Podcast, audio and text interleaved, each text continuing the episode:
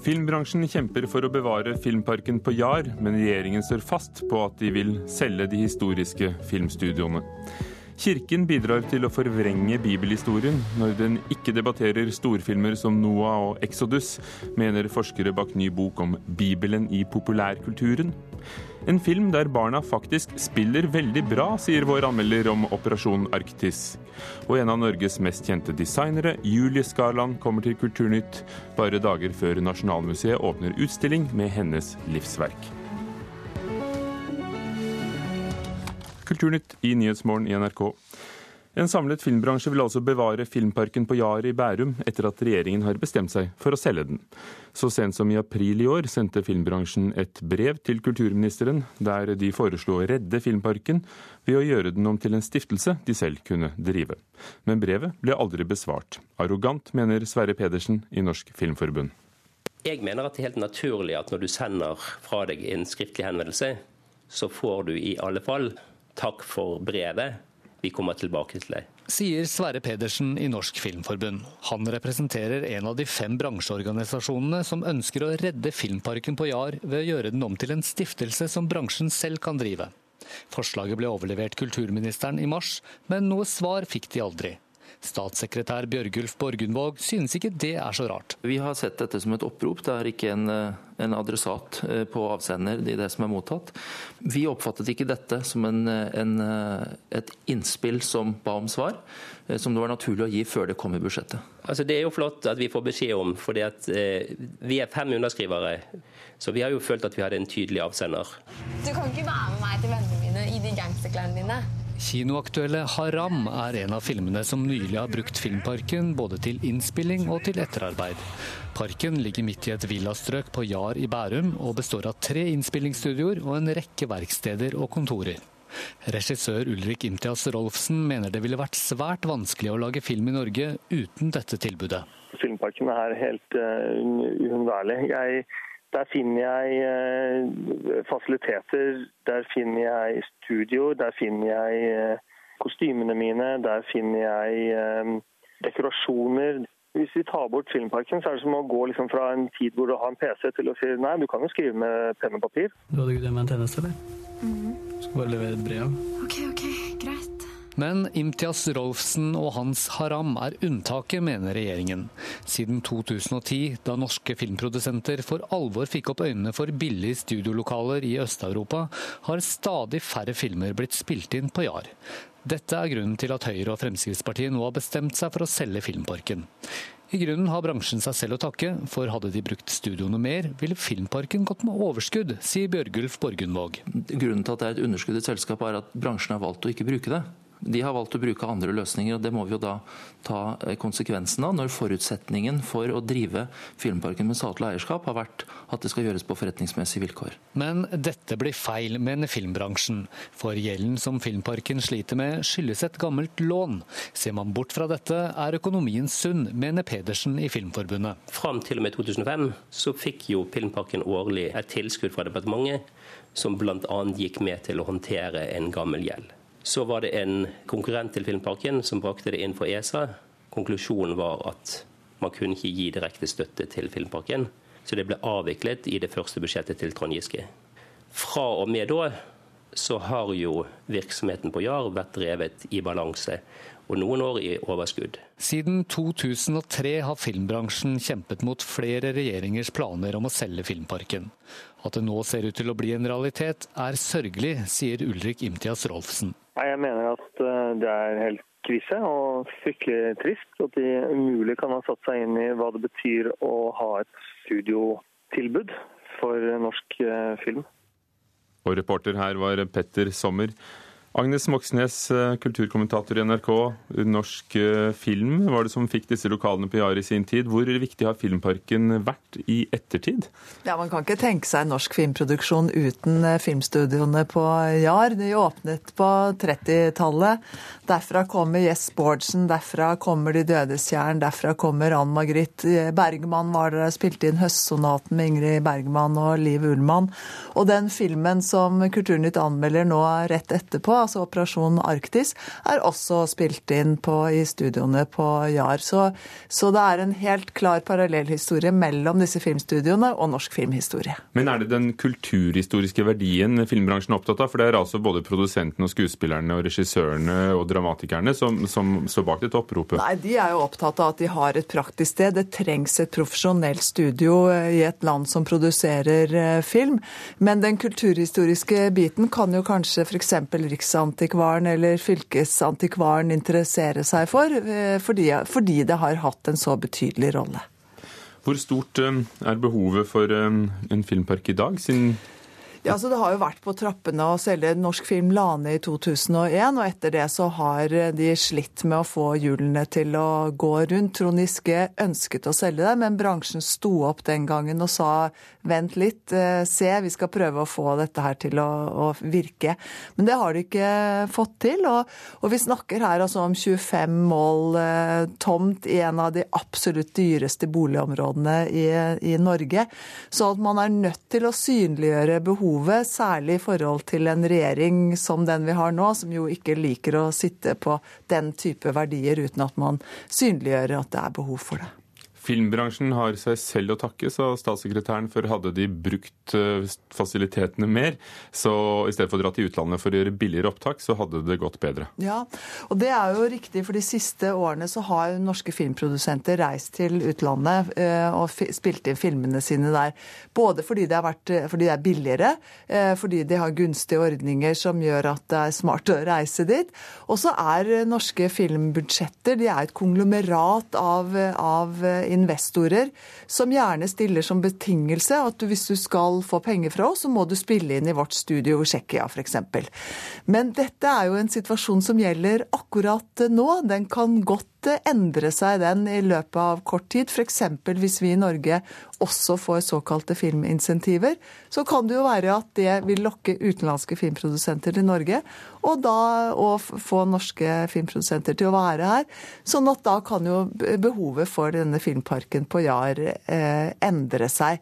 Men sånn at det kan nok være en, en idé at de politiske myndighetene venter litt før de bestemmer seg for å, å selge unna disse, dette området. Men det kan vel hende at det også selges til en som vil drive nettopp uh, filmstudioer og lydstudioer og med kostymer, og ikke nødvendigvis til boliger? Ja, det kan det godt være. Vi har danske og svenske filmselskaper som vil ha økonomiske ressurser til å kunne gjøre det. Et viktig symbolsted for norsk film? Ja, det er det ikke noe tvil om at norsk, eller Jar og Filmparken på Jar er. Takk, Agnes Moxnes. Stavanger kommune får en ekstraregning på 101 millioner kroner etter byggingen av Konserthuset, som åpnet for to år siden. Det viser sluttregnskapet. Bl.a. ble rør og elanlegg, akustiske tiltak og parken dyrere enn beregnet. Både Høyre og Arbeiderpartiet i byen beklager at utgiftene ble så høye, særlig fordi kommunen sliter økonomisk. 200 skuespillere går neste uke til boikott av de store dubbestudioene Dubberman og SDI Media hvis selskapene ikke hever timelønnen. De to studioene som arbeider med å legge stemmer på tegnefilmer, satte ned timebetalingen i fjor. På tross av lange forhandlinger med Norsk Skuespillerforbund vil studioene verken heve lønnen eller inngå tariffavtale, skriver Klassekampen. Barna utgjør filmens hjerte, mens kjente skuespillere som Kristoffer Hivju og Line Verndal bare er viktige tilskudd, sier vår anmelder etter å ha sett ukens premierefilm, 'Operasjon Arktis'. Filmen er basert på en roman fra 1971. Historien er oppdatert til en film som ifølge Birger Vestmo både gamle og unge vil komme til å like. Sindre! Det er glass å gå inn der! Kom ut med en gang! Nei, jeg vil ikke. Vi drar til pappa i Stavanger. Operasjon Arktis er en vakker og velskrudd film for unge kinogjengere, som også voksne kan ha glede av å se. Denne familiefilmen skårer nemlig høyt på unge skuespillere med sjarm og talent, mens regissør og manusforfatter Grete Bø Wold formidler med effektiv fortellerevne. Filmen har akkurat passe mengde av spenning for de yngste, god nok underholdningsfaktor for de voksne, og et aktuelt miljøbudskap som bakteppe for handlinga.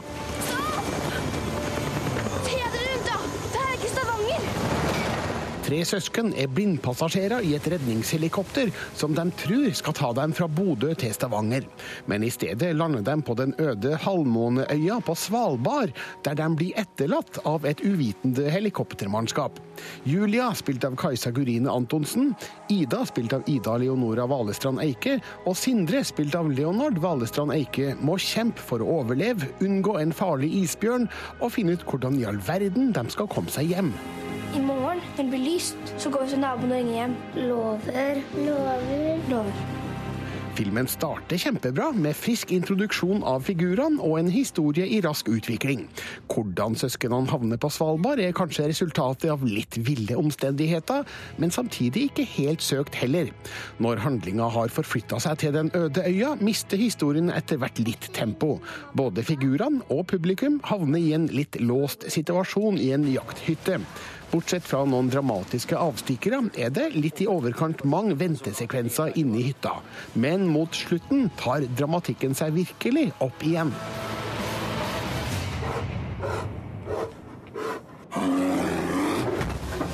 En av de viktigste årsakene til at filmen innfrir, er de unge skuespillerne.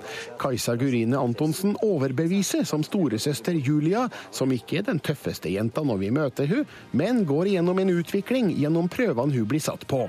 Ida Leonora og Leonard Valestrand Eike er òg gode funn, med herlige og friske opptredener foran kamera. Garva skuespillere som Kristoffer Hivju, Line Verndal, Nicolai Kleve Broch og Per Kjærstad er viktige tilskudd, men det er barna som utgjør filmens hjerte, og de gjør en beundringsverdig innsats. Tenk å være ingen data, ingen TV, ikke badekar, ikke noen ting. Operasjon Arktis er en vellaga film med høy kvalitet på både lyd- og billedfronten. Svalbard og Bodø er nydelige innspillingssteder, flott fotografert av Gaute Gunnari, og jeg lar meg imponere av en fantastisk isbjørn som er et viktig spenningselement. Filmens midtre del burde kanskje hatt et litt større spenningsnivå, men barn vil la seg rive med av en underholdende historie med et miljøbudskap om global oppvarming og issmelting. Åh, skal vi gå ut og leke litt? Klokken er kvart over åtte. Du hører på Nyhetsmorgen i NRK. Overskriftene. Mange eldre får unødvendige medisiner. Forsøk med færre medisiner ved sykehjem i Oslo har gitt eldre bedre livskvalitet. Og USAs president Barack Obama tar selvkritikk. Han lover sterkere innsats fra USA mot ebola. Og designer Julie Skarland har flyttet fra Paris til New Delhi og kom på besøk til Oslo og Kulturnytt i anledning ny utstilling. Når den nye storfilmen om eh, Moses, basert på andre Mosebok, Exodus, med Christian Bale i hovedrollen, har premiere senere i år, bør Den norske kirke på banen og fortelle hvordan bibelhistorien egentlig var. Det mener to bibelforskere og en prest som har skrevet bok om hvordan populærkulturen lager helt egne fortolkninger av Bibelen. The nine tenets of constancy. Damn it! Crucifixion. Yes, Good. Professor Langdon, you're in grave danger. I seem to have lost my place. Aw, for the love of crumb cake. Inngangsvinkelen nå er nok oftere Simpsons, det er Da Vinci-koden Det er ikke så mye at man leser Bibelen. Hva skjer da, når popkulturen får sette agendaen for bibelske lesninger? Teologene Petter Skippervold og Anders Martinsen lanserer neste uke boka 'Bibelen i populærkulturen', sammen med prest Ole Jakob Løland. De to mener Den norske kirke i altfor stor grad lar popkulturens tolkning av Bibelen stå uimotsagt, bl.a. i filmen 'Josef', som ofte blir vist som en del av trosopplæringa i dag. Der, der framstår de som sånn idealfamilie. Et, et, et ektepar med tolv sønner. Flott idealfamilie. Og det passer jo veldig godt overens med, med, med, kirkas bilde på at det skal være mann og kvinne, og de skal ha store familier. Mens i virkeligheten i bibelteksten så hadde jo Jakob masse koner. ikke sant? Og det passer jo ikke i det hele tatt. Så de, så de, er litt på lag, Hollywood og kirken av og til. Det er mye sånn lumsk eh, sex i Gammeltestamentet. Det er incestiøse forhold. Det er, eh, og det, det kan man ikke vise. Og hvis Kirken bare overtar det, så mister man evnen til å si noe om de tekstene som er vanskelig. Man forvrenger jo da egentlig det man mener selv skal ha den største autoritet sin egen, om sin egen lære. Nei,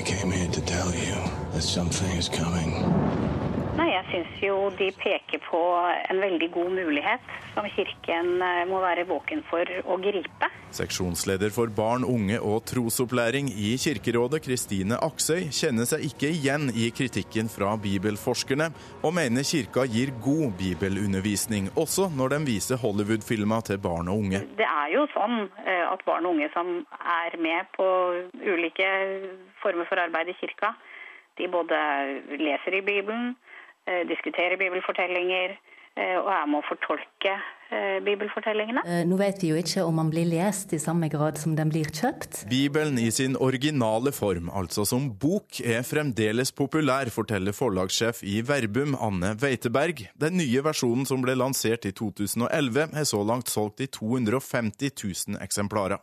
Men forlagssjefen er enig med bibelforskerne om at kirka oftere bør diskutere fortolkninga av bibelteksten, og tror dagens ungdom synes det er vanskelig å sette seg ned og lese det som blir kalt bøkenes bok. Og vi har nok tenkt at vi med tid og stunder kanskje skal komme også med en eh, bibelutgave med et enklere språk. Som kan eksistere side om side, nettopp fordi en del folk rett og slett har problemer med å forstå. A great flood is coming. We build a vessel to survive the storm. We build an ark. Det er vanskelig å forstå at en gud skal ha drukna hele verden og menneskeheten i vann. En problemstilling som Hollywood tar tak i, men som kirka dessverre lar være å snakke om, sier bibelforsker Petter Skippervold. Noen steder så er jo faktisk de populærkulturelle uttrykkene, sånn som eksempelvis Noah-filmen, mer modige enn eksempelvis kirka i å ta tak i, i tekster som er litt vanskelige. Altså Det er litt paradoksalt for den Noah-fortellingen. Den har jo da Hollywood nå klart å gjøre på en måte aktuell og dramatisk. Mens Kirken har valgt å unnlate å fortelle den i det de har definert som kjernetekster i trosopplæring for barn og ungdom. Så noen tekster liksom glir ut fra kirka og, inn i popkulturen, og vice versa. Sa Petter Skippervold før smellet til reporter Torkil Thorsvik.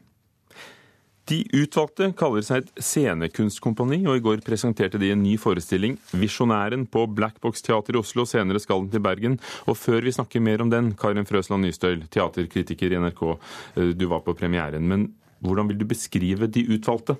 Hvorfor snakker vi om dem? Vi snakker om dem fordi de er et teaterkompani som alltid overraske når du setter deg for å se en forestilling av dem. De var de første i Norge som tok i bruk 3D-video i forestillingene. Det vil si at, at hele forestillingene spilles på et stort, hvitt lerret, der det projiseres videobilder. Og så sitter man som publikummer med 3D-briller, som på kino, og opplever scenografien, som da er video, at man nesten er inne i den sjøl. Det, det var helt fantastisk da kunsten å bli Tam, som var første forestilling der de brukte denne teknologien da den kom. Det var, det var magisk å være teaterpublikummer da. Siden så har de brukt skuespillere med psykiske utviklingshemninger, og ja, hva skal jeg si, det er alltid noe som, som napper litt når jeg sitter og ser en forestilling av de utvalgte. Og det de lager teater om, det er de store tingene. Det er menneskets verdi, det er økologi, om vi tar vare på jorda vår, og det er menneskene sitt ansvar. Så det, det er store ting vi snakker om her. Og nå altså stykket 'Visjonæren', som vi hører litt fra her. Vi er like forskjellige inni som vi er forskjellige utenpå. Og dette med at alle mennesker er likeverdige, det er ikke sant. Noen mennesker som ikke er verdige noen ting. Det kan ingen nekte for. Vi er jo forskjellige. Fra visjonæren Rebekka Joki og Torbjørn Davidsen i forestillingen Karen Frøsland Nystøyl, hva handler det om? Hvis vi tar utgangspunkt i det vi nettopp hørte, så handler det bl.a. om menneskeverd. Denne lille samtalen som var her nå, den er, den er mellom en skuespiller som i parentes bemerka har Downs syndrom, og en skuespiller som ikke har det. Og når de da snakker om menneskeverd, så, så, så, blir det, så, blir det, mange lag allerede i en dialog av denne typen. Men for å ta stykket, da, så tar det utgangspunkt i Ludvig Holberg sitt kjente stykke 'Jeppe på bjerget'. Så Jeppe og mor Nille møter vi gjennom hele forestillinga. Brodde og deler av Jeppe på bjerget går igjen gjennom hele. Det utvikler seg til å òg handle om nordmannen. Eh, hvordan vi som nordmenn lever, tar vare på vår rikdom og vårt ansvar. Og Jeppe er jo en karakter som er utstøtt. Så det handler òg om eh, hva gjør det med noen å bli utstøtt, og hvorfor støter vi noen ut? Det er mange handlingstråder her. Jeppe, eh, drankeren, den utstøtte, søker råd hos, hos, Dalai Lama og hos en yrkessoldat, eksempelvis, i, i, dette stykket, uten at han blir nødvendigvis klokere av det. Han blir en tyrann, sånn som vi kjenner han fra Holberg. Men det som denne forestillinga huskes for, for den har mange lag, den har mange fortellinger, den har utrolig mye man kan gripe tak i. Det den vil huskes for, tror jeg, det er at mot slutten så byttes Jeppe, spilt av Jørgen Langhelle, ut med en gatemusikant som kompaniet har funnet her i Oslo by, som tas inn og blir den nye Jeppe. Settes i kongestolen, kles i fine klær, får champagne og, og kylling servert. Og det er òg han, en, eh, altså helt reelt en gatemusikant uh, som spiller i Oslos gate, som blir den som dømmes når rettssaken mot Jeppe pågår. Og det er et nytt grep. Det, det satte meg litt ut da jeg, da jeg, plutselig skjønte at dette var settingen mot slutten. Men her er det den, denne gangen så er det på denne måten de utvalgte vil snakke om menneskeverd. Hva synes du om forestillingen? Jeg, jeg, jeg syns at den spriker litt for mye. Den har litt for mange momenter i seg til at jeg klarer å, å tvinne alle fortellingstrådene sammen. Men det murrer i meg når jeg ser den. den. Den gir meg utrolig mye. Den gir meg mange tanker. Men den er òg det står for meg litt som sånne løsrevne biter som jeg ikke helt ennå har klart å pusle sammen. Men jeg tar jo alle bitene med meg videre. De bruker 3D-teknikken her òg, og det er fantastisk, som alltid med Boja Bøckmann sine, sine, videoer. Blant annet så sitter jeg som publikummer, og så kommer det plutselig store flaggermus flyvende mot meg i sakte film. Det er, en, det er en stor opplevelse å se de utvalgte, selv om dette nok ikke er det beste stykket jeg har sett av de. Takk, Karin Frøsland Nystøle. De utvalgte på Blackbox Teater Oslo, som siden skal til Bergen.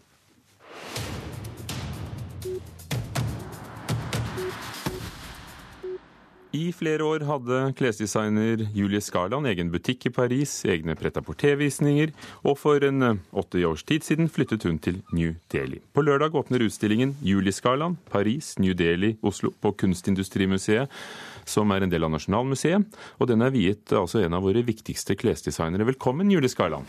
Tusen takk for det. Hvordan er det når du ser ting du har laget fra du gikk ut av skolen til i dag, samlet i et rom? Det er jo veldig interessant for meg å se det. Med å sette opp den utstillinga Vi har jo jobba med det i, i hvert fall jobba med det nesten et år. Så det har vært veldig interessant å gå ned i materien og så se sammenhengene. Jeg har jo ofte lurt på hva det gjør i India, hvorfor jeg er her og hvem jeg er og sånn. Men uh, når jeg får samla alt, så ser jeg liksom en tråd i det. Og én tråd er liksom det håndlaga, alt det som jeg gjør med hånd, med broderier. Og så er det også det kanskje med natur. Det første verket som en ser når en kommer på utstillinga, det er et eh, stofftrykk som jeg laga da jeg gikk på skolen i Paris, moteskolen i Paris. Og det har liksom fugler som sitter i en vase med busker og sånn.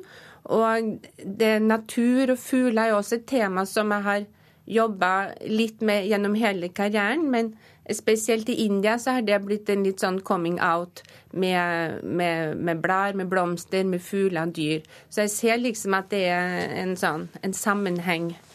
Du gikk på en moteskole. Du var en del av motelivet i Paris, men av ikke de store motehusene, men et mer avantgardistisk miljø.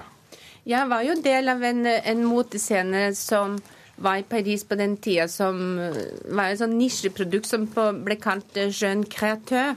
Det er unge designere. Så det var jo en liten gruppe, og vi var liksom den som skapte mote. Om det verste liksom, du kunne si til meg eller min gruppe av folk, var liksom Om du, om, om du laga noe som var på fashion, så var det liksom Det var Nei, nei. Og, eh, for du skulle helt til ligge i i, i frem, fremkant. Og det var vel kanskje 50 butikker i hele verden som kjøpte de klærne. Og uh, mitt marked var hovedsaken i Japan, som, som kjøpte mine ting. Og det var, det var liksom en uh, interessant Eller det var veldig spennende tid. Interessante folk. Og, uh, ja. Men når du, du, sier du ser en rød tråd gjennom det du har laget, ja. følger din utvikling motens utvikling, eller er det en egen kunstnerisk retning? Den går parallelt. Det, det med mot er litt sånn Det er noe ting Moten flyter litt i kosmos også, da. Men så jeg var jo litt i tvil når jeg bor i India, liksom, faller du helt ut av mote? For at når du er i Paris, er du midt i det hele. Men eh, den motefleren eller feelingen, den har du, og den Det er jo veldig mange som lurte på i hele tatt Eller sånn Plutselig så kunne alle designere lage rød. Og hvor kom det røde fra? Så det er liksom ting som er der i tida. Men så på en måte så, så følger jo den delen Om du er motedesigner, så må du liksom ha litt eh, av, den, av det talentet eller den sansen.